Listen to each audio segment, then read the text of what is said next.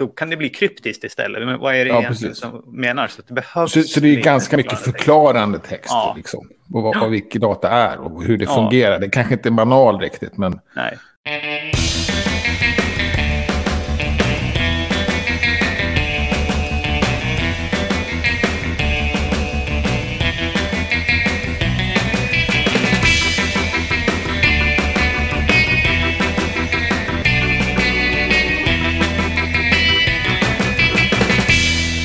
Välkommen till Wikipedia-podden. Din chaufför som kör konvojer med nyheter om världens största uppslagsverk. Jag heter Jan Einarling. Och jag heter Magnus Olsson. Jag har skrivit på Wikipedia sedan 2009. Senaste veckan har jag kämpat på med Fyrarna i Stockholms skärgård. Då. Det är ett projekt som tar sin tid. Och jag gillar att känna mig klar egentligen. Men här blir det bara myrsteg av det då. Hoppas att jag blir extra nöjd om jag väl blir klar någon gång då. Är det långt kvar? Nej, det, jag vet inte. Kanske, nej, det är nog inte mer än 30-44 kvar av 250. Och jag tänkte nog att det skulle ta ganska lång tid. Jag, jag sitter på tåget när jag åker till jobbet. Så, Ah, ja. har jag typ en halvtimme. Och så vill jag göra lite annat på den också. Så, och det är fram och tillbaka. Då. Så jag tänkte att jag, ja, det blir väl en 7-8-4 per dag. Men det har nog blivit mera. För det har blir mycket mera faktiskt. Ja. Ja, så jag kämpar där. Och själv då? Ja. Jag har väl gjort ett par tusen redigeringar på Commons den senaste veckan. Jaha, Vi fick en eh, ny egenskap på Wikidata som på engelska kallas created during. Alltså den är tänkt att man ska kunna märka upp med den här strukturerade data på Commons att en bildfil är skapad under ett visst event. Ja, Så har jag suttit och taggat sådana. Och det finns det lite verktyg på så man kan bli ganska effektiv. där blir man aldrig klar. Va? Det väl, kan man, har vi kvar? En 60 miljoner filer att märka? Okej, ja, då finns det chans. Ja. Nej, det är inte alla som är, ska göras, men, men det är såklart ett otroligt testjobb att få, få ordning på allting. Men man kan ju börja städa i sin egen hörna och med Ja, de precis. filer som man Det- själv har laddat upp. Men det är skillnad liksom att ha ett långt projekt som avslutas, känns tycker jag, då, mycket jobbigare än, än att ha ett oändligt projekt som man vet aldrig kommer att avslutas. Ja, som man bara pular med lite grann. Av någon Ja. anledning, jag vet inte varför. Ja. Det, det, det är konstig psykologi. Ja, precis.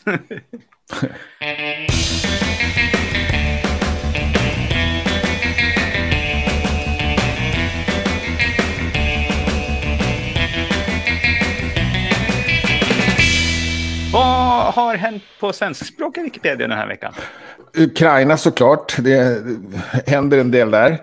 Dels den här ny, nyhetssjukan såklart då, som jag tycker att vi, ja, vi hanterar det väldigt bra tycker jag. Kanske lite för bra, vi har halvlåst eh, artiklar då, det är så vi klarar det lite grann. Mm. Men ändå bara 12 stycken, jag tror det skulle vara fler faktiskt, om jag har räknat rätt. Mm. Så det är inte jättemycket ändå och det kanske behövs en liten tid. Och det är väl kanske det minsta problemet också. Ja, just det. Och risken när vi halvlåser är att vi kanske missar lite uppdateringar för att de oftast läggs till lite slarvigt av någon som inte är så van och sen så putsas de av erfarna. Verkar det som att vi missar det nu eller håller vi oss uppdaterade också fortfarande? Och det har jag följt dåligt, men eh, jag tycker att det är svårt att veta vad som händer egentligen ändå. Ja, Det är en sån händelse. Det finns en lite slaskartikel tycker jag som heter eh, sanktioner, eller någonting sånt där. Sanktioner mot Ryssland på grund av kriget i Ukraina. ja. Och den är lite sådär att den lider av det här att man vill gärna rapportera allting då. Så det blir enradare, vem som har sagt vad. Det blir lite spekulationer och Då kan vi inte gärna spekulera om en sanktion. Antingen säger de sanktion eller säger ingen sanktion. ja, men hur det mottas i Ryssland och sådär. Men, ja, det behöver man ju inte skriva om. Nej, men det gör så, det händer. eh, och annars blir det ju bara en punktlista liksom. av Den här sanktionen är gjord och sådär. Men jag förstår, men det finns Ja. ett behov. Jag har du får läst den artikeln på engelskspråkiga Wikipedia? Nej, det har jag inte gjort. Nej. Så jag antar att det är därför den finns. Då, för att på, på engelskspråk är det ju ofta så här att, och det såg vi ju mycket under covid-krisen, att det växer ju fram massvis med andra typer av metaartiklar. Vi till Ja, exempel precis. hade en sån här, på engelska hade vi så här, hur covid påverkade kultursektorn till exempel. Det saknar Ja. vi på svenskspråkiga Wikipedia. Ja. Men det är ju för att det fylls ut så mycket i huvudartikeln så till slut så blir ju den gigantisk på engelskspråkiga Wikipedia. Vi har ju inte Ja. riktigt samma problem. Men Nej. här var det ju, vi pratade ju om det förra veckan, att vi rensade upp lite grann i en artikel och då kanske det finns ett upplevt behov av någon annanstans att skriva av sig. Jag, jag tror att det är precis det som händer faktiskt. Och det kanske inte är upplevt utan det kanske är ett behov att, att det blir väldigt överlastat annars med sanktioner i artikeln Ja, om invasionen i Ukraina. Så, så det, det Ja. fanns absolut ett behov för en sån. Så det är nog bra. Sen så kan jag tycka att den är lite halvdant skött just nu. Ja, precis. Det- Den kan ju behöver svänga bra in. Ja. Vad sa du? Ja, den kan ju skötas bra också. Ja, precis. Ja, men det är Ja. svårt. Den är aningen ostrukturerad nu. Det blandas Mm. lite grann vad som är en sanktion och, och vad som är en reaktion kan man säga. Ja, just det. Mm. Ja, men jag har förståelse för att det är svårt att låta bli, absolut. Mm. Sen är blir resten ganska så småttigt då. Mhm. Eh, bland annat kodande av källor var, var en liten diskussion på Wikifrågor. Eller Wikipedia-frågor. Och den just börjar lite som goddag yxskaft. Jag kände ett tag att vi kanske pratar om tre olika saker. Även om jag Ja. la mig i och pratade då om Ja. en tredje sak. Men, men, men, men det var nog ändå... Vad sa du? Den saken du ville prata om. Ja, precis. Men, men det handlade om... ja, Det var, nog, det var nog rätt ändå. Ja. Men, men det var en, en användare som upptäckte att det kan bli fel när man återanvänder en källa. När man återanvänder en källa så skriver man ju liksom en förkortad... Eller man, man, skriver, man anropar bara namnet på källan. ja. Mm. Man, man ger för den första referensen ett namn och sen anropar man det namnet. Ja. Och då blir det bara ett nummer för två noter så att säga. Eller tre, eller Ja. fyra eller fem. För att den är återanvänd. Och då kan man ju då i wikikod råka radera huvudkällan. Som de andra anropar. ja, om man gör Huvudkoden. det så är det ju jobbigt, ja. Ja, precis. Och det, och det är ganska lätt hänt. Vad sa Det du? är inte så himla lätt att radera en referens. Jo, men man Det ersätter den med en annan referens. Jaha, Om man ersätter den med en annan referens som är bättre Ja. eller som är uppdaterad eller som är någonting. Ja, okej. Då fördärvas ju de andra som den har återanvänt. Ja, Som använder samma nummer då. Men i Visual Editor, på något sätt, magiskt sätt, så fattar den det. ja, Så den flyttar hela tiden. Den ser alltid till att den här källan behålls. just det. Den håller reda på alla med samma namn och så ser den Ja. till att det finns minst en Och det som var lite konstigt med det här också var att den här användaren är väldigt van användare. Mm. Och, och kände inte till detta riktigt. Att man Nej, kunde återanvända källor.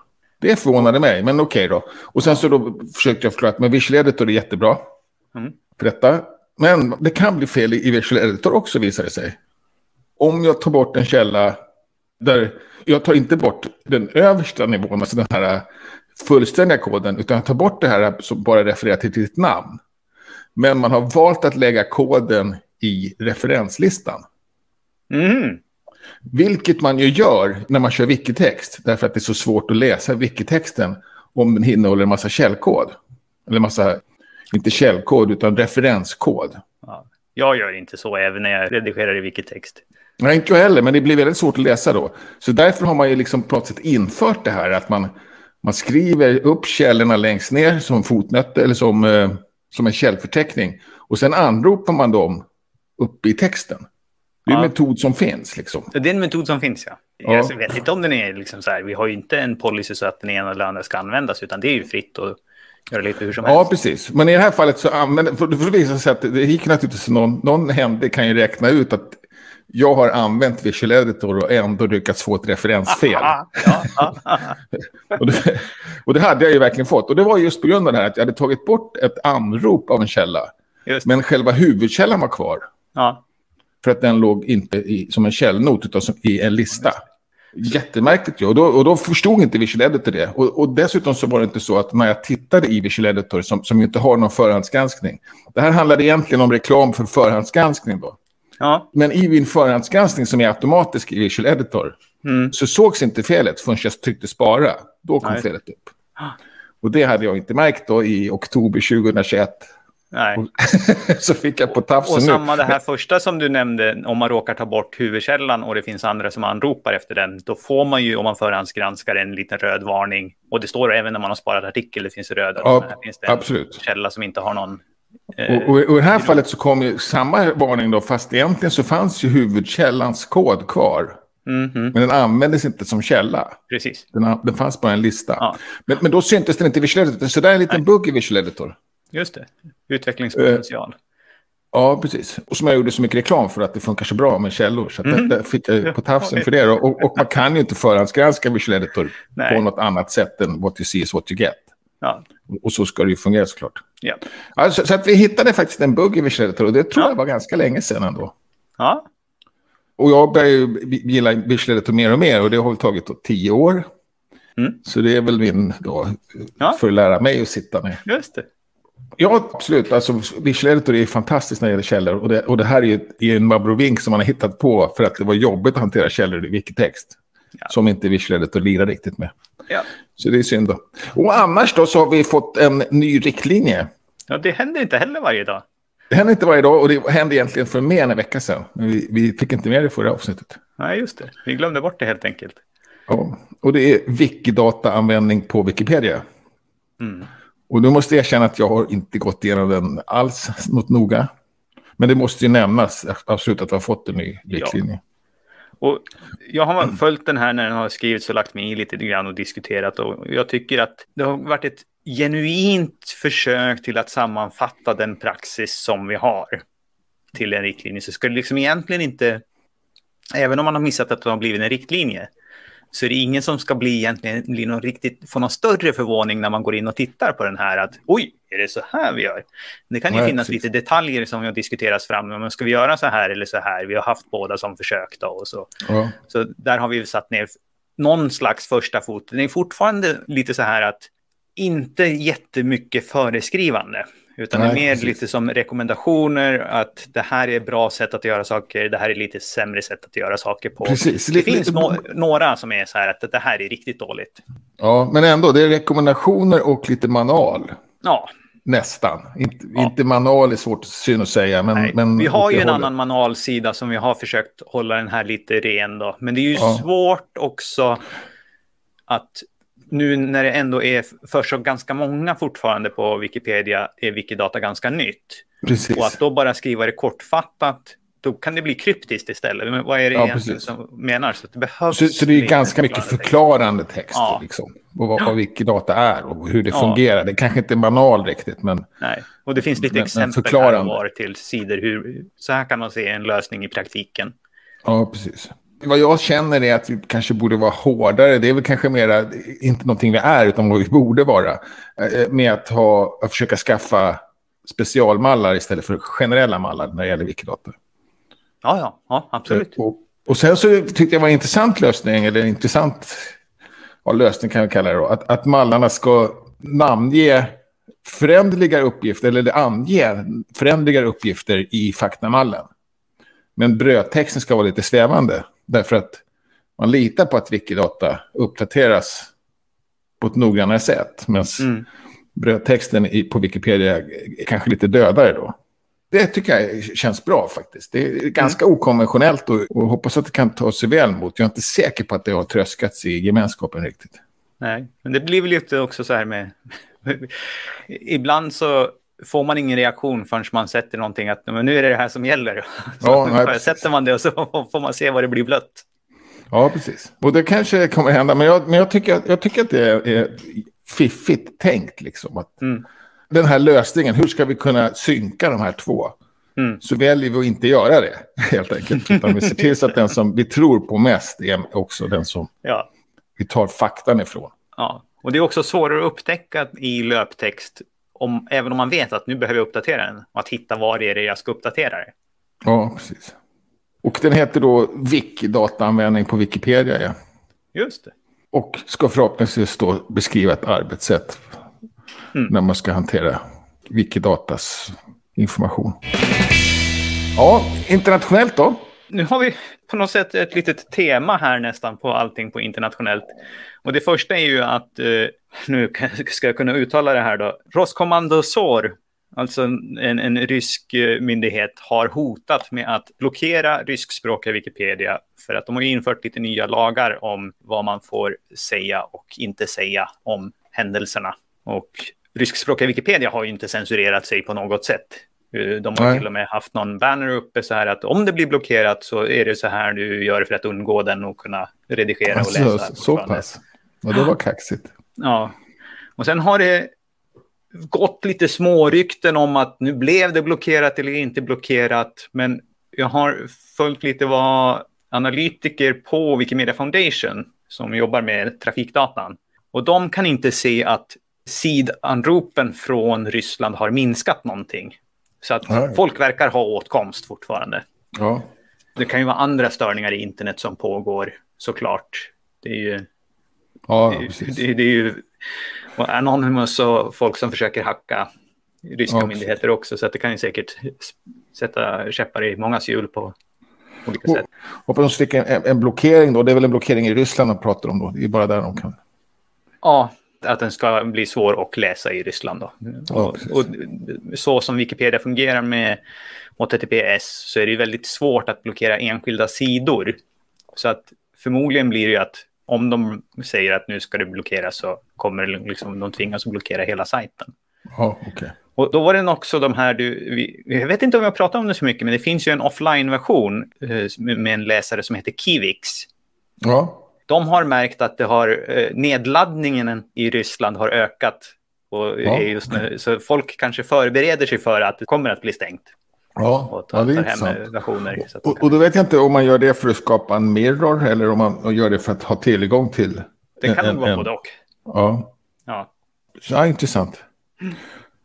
Och sen eh, lite relaterat då, så har vi en, för första gången jag har sett någonting, eh, Wikipedia kolon krig på svenska, fast det här är ju på ukrainska Wikipedia. Och alltså Ja, en precis. Wikipedia, alltså Wikipedia-namnrymden, en hjälpsida för de som befinner sig i Ukraina. Alltså, och det här handlar ju inte om hjälp på Wikipedia, utan rent praktiskt. Så här, vart kan jag hitta doktorer? Och liksom, det är Ja, det är otroligt intressant. Det är verkligen, en, verkligen vad vi skulle kalla på svenskspråkiga Wikipedia otroligt oencyklopediskt. Ja, och det, Och det finns man- en liten ruta högst upp där, om det. Men, Ja. men framförallt, alltså, egentligen så är väl nästan det mesta i Wikipedia kolonnamnrymden är ju oencyklopediskt. Ja, Alltså. Wikiträffarsidorna är ju inte encyklopediska på det Nej, sättet. Men de här har ju, Faktafrågor och sådär. ja, det här är ju de här har ju väldigt generell, kan man säga. Och ganska liksom riktad faktafrågasida kan man säga också. Ja, just det. Och, och som generellt handlar om hur man ska få hjälp under det här kriget som Ja. ukrainare. Och också hur man ska kunna hjälpa till som utlänning. Just det. Och rent handfast då, inte Wikipedia utan med kontakter för att skaffa rum och meddela att man har plats att erbjuda och transporter och vart man ska åka och hur man kan hjälpa till. Ja, Och normalt sett så brukar man ju bli lite eh, ledsen när man hittar en sida vilken som helst som inte har några språklänkar. Men här är man ju glad att det, Ja. det är faktiskt bara på en vi har haft det här behovet än. ja, det är sant. Skulle kunna översättas ändå då, men för den sakens skull, Ukrainas skull. Ja, det var fascinerande verkligen. Mm. Och sen om vi eh, går till en liten, lite mer positiv not då, och det här är ju egentligen vi lite sena på att rapportera. För redan den 17 februari, innan kriget bröt ut, innan Ryssland invaderade, så hade man satt igång med en liten skrivtävling. Ukraine's Cultural Diplomacy Month. Som var en hel månad lång dessutom. Ja, som håller på då till 17 mars. Så man har fortfarande en dryg vecka på sig här och gå in och hjälpa till att skriva. Det känns ju lite konstigt att se nu. Liksom, det framgår inte alls här att det, att det finns något krig ens. Nej, och det är ju för att den här sidan är ju skriven innan det startade. Ja, precis. Jag såg på någon mailinglista att precis när det riktigt hettade till i början här, en vecka in på tävlingen, att det var lite folk som, ska vi ta part här i, på en sida? Men det här var ju helt liksom oplanerat och, och det är dessutom andra året i rad på samma tidpunkt. Jaha, ser man på där? Jaha. Ja, så att det är en, en återkommande tävling. Så att det, Ja, det ja, jag trodde det inte fanns något samband till Nej, O- så att det, oroligheter ändå. Ja, ja precis. ja. Och det ska man väl kanske göra ibland, ta part ändå. Ja, Ja, det, det kan man väl göra. I, i alla fall liksom var man lägger sin tid på att skriva. Sen ska man ju skriva neutralt och Ja, uppslagsmässigt. precis. Men vilket så ämne man man, väljer att engagera sig i, det, behöver, det får man ju definitivt göra efter sitt eget hjärta. Ja, ja precis. Vi kan inte tvinga Ja, folk att och skriva om mjukvaru's... skärgårdsfyrar. Ja, precis. På mjukvarusidan då? Ja, här har vi en liten eh, ny, den är inte riktigt ny, men jag hade missat den. Men jag såg den för att det, var faktiskt lite svaj på nätverken igår. Eh, Ja. och det är alltså en ny statussida för alla Wikimedias servrar. Eh, så om du scrollar ner lite grann i den där så kommer du se att det finns en liten spik där från igår. Eh, Ja, okej. Scrollade förbi den. Och det var, då kunde man få lite, ja, helt enkelt inte komma åt sidor på, på Wikipedia Ja. i en liten, liten kort stund. Eh, Okej. Men det är alltså en sida som talar om vad är statusen just nu för eh, de som läsare, för eh, skribenter och för API så finns en liten översikt högst upp att, om det funkar eller inte funkar. Ja, Så kan man då, bläddra sig tillbaka i tid. Och sen så står det också lite längst ner, finns det lite manuella anteckningar så att man kan se vad som händer. ja, ja, okej. Jaha, intressant. Och Ja, Den här sidan kommer du hänga där någonting? ja, jag kommer nog hänga där lite grann någonting speciellt om jag upplever att det går långsamt kommer jag kika in Ja. där. Sjutton Sidan låg förut på status.wikimedia.org. Alltså i, som vanliga. Den sidan finns kvar men pekar på några andra servrar. Den här är ganska ny idag. Den är ny från i år tror jag och den heter wikimediastatus.net. Mm. Men är officiell då, fast den har konstig URL. Ja, okej. Den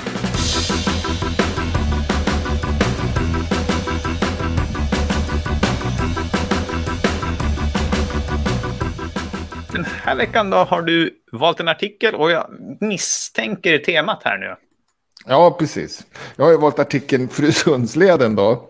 Som är en eh, farled, kallar vi det i Sverige, genom eh, Stockholms skärgård.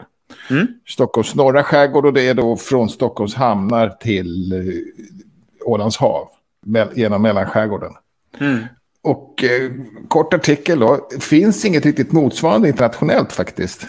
Alltså det finns Till Furusundsleden Internationellt- eller till farleder? eh, till farleder generellt. Man tittar mer på generella färjeleder. Alltså där där den här Hurtigruten eller alltså där, där en speciell färja går. Och jag tror kanske att det beror på, det hittar jag på själv nu då, att vi har en skärgård som vi... Eh, ah, jag vet inte. Vi har skärgård, ingen annan i hela världen har en skärgård. Fast de har ju det. Men, men på något sätt så är, har den fått lite kanske betydelse i Sverige. Det har blivit en del av våran själ på något sätt, eller? Farled? Färjeled, ja just det. Och då blir det också för att ta sig igenom dem då, farleder blir då kanske viktigare. Det finns, Åland har också faktiskt, men jag tror det kan ha att göra med användaren kanske också. Men jag kan tänka mig att man även på finska sidan har samma förhållande till skärgård som vi har. Till skillnad från Grekland till exempel. Där, där är en farled mera bara ett riktmärke för att ta sig in i hamnen utan att pricka ett grund. Men i Stockholms skärgård måste man mera liksom åka slalom runt grunden. Inbillar jag mig lite grann. Ja, ja, Så det blir viktigare då. ja. Men det hittar jag på. Men, men det finns en, i alla fall en artikel om Frusundsleden. Mm. Och där har jag då, under mitt arbete med de här kartorna så, så blir man ju aldrig klar kände jag. Men då när jag, när jag hade jobbat ganska hårt så märkte jag att ja, men nu är jag nästan klar med Frusundsleden. Så då gjorde jag den färdig helt enkelt och la till en sån karta. Mm. Som jag varit väldigt nöjd med. Mm. Och har hittat på lite färgkodning här på fyrarna då. Mhm. Det, det finns typiskt... färger. Ja, och det finns typiskt gröna fyrar. Som har någon sorts grön markering, antingen en- ett band eller kanske ett taket i grönt. Ja, just det. Och det finns typiskt röda fyrar. Sen finns det lite vita fyrar och omålade fyrar också. Mm. Och då tror jag att det beror på att de inte hör till en farled direkt, utan de kanske blandar två eller är del av en korsning eller så. Men det har jag hittat på själv, jag vet inte. De har i alla fall markerat då så att de inte Ja, är gröna eller röda. Det, Sen är finns det det också- rop på hjälp här till andra skribenter att fylla på med det. Lite rop på hjälp och li- ganska mycket egen forskning då. För jag har också hittat på att det finns orangea fyrar. Ja, Du, du har inte hittat på att de finns. De är ju orange och gröna och sådär. Ja, men Det att, kan vi ju att, det, se på foton att det betyder något speciellt. Jag antar att det gör det. Ja, ja. Jag tror att en orange fyr, det, liksom en, en röd fyr ska man gå på ena sidan. En orange fyr är mer ett, ett riktmärke som man kan gå på vilken sida som helst. Den går man mitt på. Ja, kan man gå mitt på, men man bör svänga undan när man kommer fram. Då. när, när man, så reden går runt omkring den då typiskt. Ja, ja. Oj, vad tog den vägen? Där. Och, och den här kartan har ju också eh, liksom själva farleden utplottad här. Är Ja, just den tagen från någon slags officiell källa då? Ja, det är från sjökortet. Jag vet inte hur, hur okej det är. Det följer ju fyrarna såklart. Ja. Och, så- och så har jag ju tjuvtittat på sjökortet då. Får man göra så? Ja, vad är det för upphovsrätt på sjökortet? Eh, det är nog skyddat. Ja. Men jag vet inte om, aj, aj, aj. Jag vet inte om datan för, för, för leden är skyddad. Det är bara data, precis som koordinaten för fyren. Ja, just det. Men vart har du tagit datat ifrån? Ett sjökort. Ja, ja. Så man kan inte ha upphovsrätt på fakta. Ja. Men vi har ju det här databasskyddet. Så att Ja. om man tar en samling av någonting så är det ju 15 års upphovsrättsskydd på det. Ja, okej. I 15 år så är det lugnt. För är ju flera hundra år gammal. Jo, men när är din karta ifrån? Ja, det, 15 det, år från kartans tryckning. Ja, okej. Då kan vi säga att den är fram från en gammal 60 karta, Ja, vi säger att den är från lägga upp 62. på Wikipedia och sen så går folk på grund.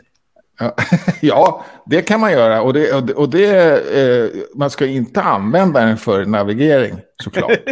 det gäller ju alla kartor som inte är officiella. Det, skriver, Ja. det, det tror jag till och med står. I vår här Wikipedia lista kolon över- förbehåll. Vad sa du? Som ett, som ett medicinskt förbehåll. förbehåll motsvarande, ja, precis. Ja. Men, men den följer ju också eh, beskrivningen i artikeltexten. ja, eh, Just det. på så sätt. Så att, ja, annars hade jag nog avslutat leden tidigare faktiskt. Men nu har jag dragit in den in mot hamnarna därför att så var artikeltexten skriven. ja, just det. Jag blev lite förvånad när jag såg den här kartan, för du verkar ha med flit valt att inte göra en liten ram runt kartan. Nej, jag har försökt göra en ram. Jaha, Jag har inte skrivit ja på det. ren är lika med ja betyder att det inte ska ha någon ram. Jaha, Jag tyckte det stod ram lika med ja. Nej. Okej, men då, då, då kan vi putsa på det sen. Bra, Ja, det, då förstår det tycker jag. Ja. Ja, jag, jag, för jag tyckte det var dålig ram. Ja. Helt rätt. Nu, nu, sen, sen har jag faktiskt ställt och, eh, ja, dels vore det intressant att veta det här, mitt hittepå där med orangea och, och vita. Och jag vet inte om jag alltid har förstått om den är orange eller röd heller. Det är en annan sak. Mm. Eh, eller, eller kanske till och med vit eller Någon Kanske bara gamla som har bleknat. Ja, precis. Ja. Eh, För jag har gått, det är, det är ganska mycket egen forskning där. Jag har tittat på bilderna och anat mig till vad det är. Men så var det något mer. Vad, vad, vad försökte jag prata om? För jag skulle också vilja, kan man göra det då? Sätta någon titel till sin karta i, i sin artikel? Jag är lite osäker på vad du menar med titel. Du menar Ja, bildtext? eller, eh, bildtext menar jag faktiskt. Ja, det kan man göra. Ja, det finns okej. i Mapplinkmallen ett... Ja. Så, så ram och bildtext ska jag sätta dit på den här. då? Ja, Då har jag, har jag lärt mig någonting nytt på det här programmet också. Det är inte Woo! fel. Ja. ja. Wikifika då? Då har vi eh, på, nu på lördag eh, eftermiddag tror jag att det är redan en till sån här träff. Och det är en uppföljning på f- som vi pratade om i höstas vill jag minnas. Och det är om sådana här hubbar. Alltså hubbar är sammanslutningar av organisationer som går runt antingen kring en region eller ett ämne eller ett språk eller någonting sånt. Det skulle till exempel kunna vara ett, en hubb för Nordafrika eller en hubb för Europa och så kommer chapters i, i Europa och samarbetar. Ja, och, och, alltså och lyckades förstå vad som var skillnad på en hubb och en, eh, en user group? Ja, user group ska ju också vara med i hubbar. Ja. Men är det en hubb? Nej, nej, en nej. user. Alltså en hubb är en antal av våra så kallade affiliates Ja, okej. som samarbetar om någonting. Så Ja, är det då bara en user group så kan det inte bli en hubb. Nej, okej. Det är det som det är. En hubbar är en Ja. samling user groups och Ja, chapters. det kan man säga. Så att det blir som någon slags supernivå på det hela. Ett Ja. litet EU. Om du... Ja, just det. Precis. Ja. Man har ju fortfarande inte riktigt kommit fram till så här, exakt hur det ska fungera. Så att det som jag sa nu kan ju vara inaktuellt efter lördag. Ja. Men jag tror att det är åt ungefär åt det hållet. Det är fortfarande detaljer som ska filas ut. Ja, är man nyfiken eller om man har åsikter så kan man vara med och diskutera det på lördag. Ja, eh, har Två du det? Åsikter? Jag har åsikter. Ja. Eh, Du kommer göra det hör är då? Nej, jag är nog inte med på lördag. Nej, okej. Senare på lördag kväll så sänder jag och Albin live på Wikidata igen. Vi redigerar. Ja, precis. Och det kommer Och- handla om hur man patrullerar senaste ändringar också där på, på Wikidata. På Wikidata? Ja, okej. Och, sen, och sen så är det också på söndagen så har ni ert Wikidata-snack. Ja, som vanligt. Det är ju mer informellt och eh, ja, ta en kopp kaffe och kanske diskutera den nya riktlinjen. Ja, ja absolut. Fan, jag har fortfarande inte tittat in. Vi får se. Jag tror att jag ska göra det varje vecka. Och ja. sen på, på måndag så är det Data Reuse Days. Just det. Och det är Wikimedia Tyskland som arrangerar någon slags så här lång och lågintensiv konferens om just hur man återanvänder data från Wikidata, både på Wikimedia-projekten men även utanför. Ja. Så. Och är i synnerhet utanför eller i synnerhet? Nej, det är på... både och. Det är, det är tanken att det ska vara båda spåren. Ja. Så att, eh... Och det är Lea Lacroix som håller det. Och sen är det kvinnliga huvudpersoner såklart då på tisdag. Just. Fortfarande online och fortfarande oförtrutet. Fortfarande oförtrutet på eftermiddagen klockan 1 till 5. Ja, det är grymt jobbat. Och, och, och, efter den 15 mars så är det bara det som ligger uppe. Inte bara, det, det blir, kommer en, en första lördag i månaden också. Men fram till dess. Det finns några sådana upplagda. Ja, imponerande. Jättekul att de håller i sig. För det var alla veckoträffar den här veckan. Ni får gärna recensera podden där ni lyssnar på den så att fler får chansen att hitta oss. Och kom gärna med frågor, synpunkter och ge oss tips. Tack för att ni har lyssnat. Vi hörs igen nästa vecka. Hej då! Hej!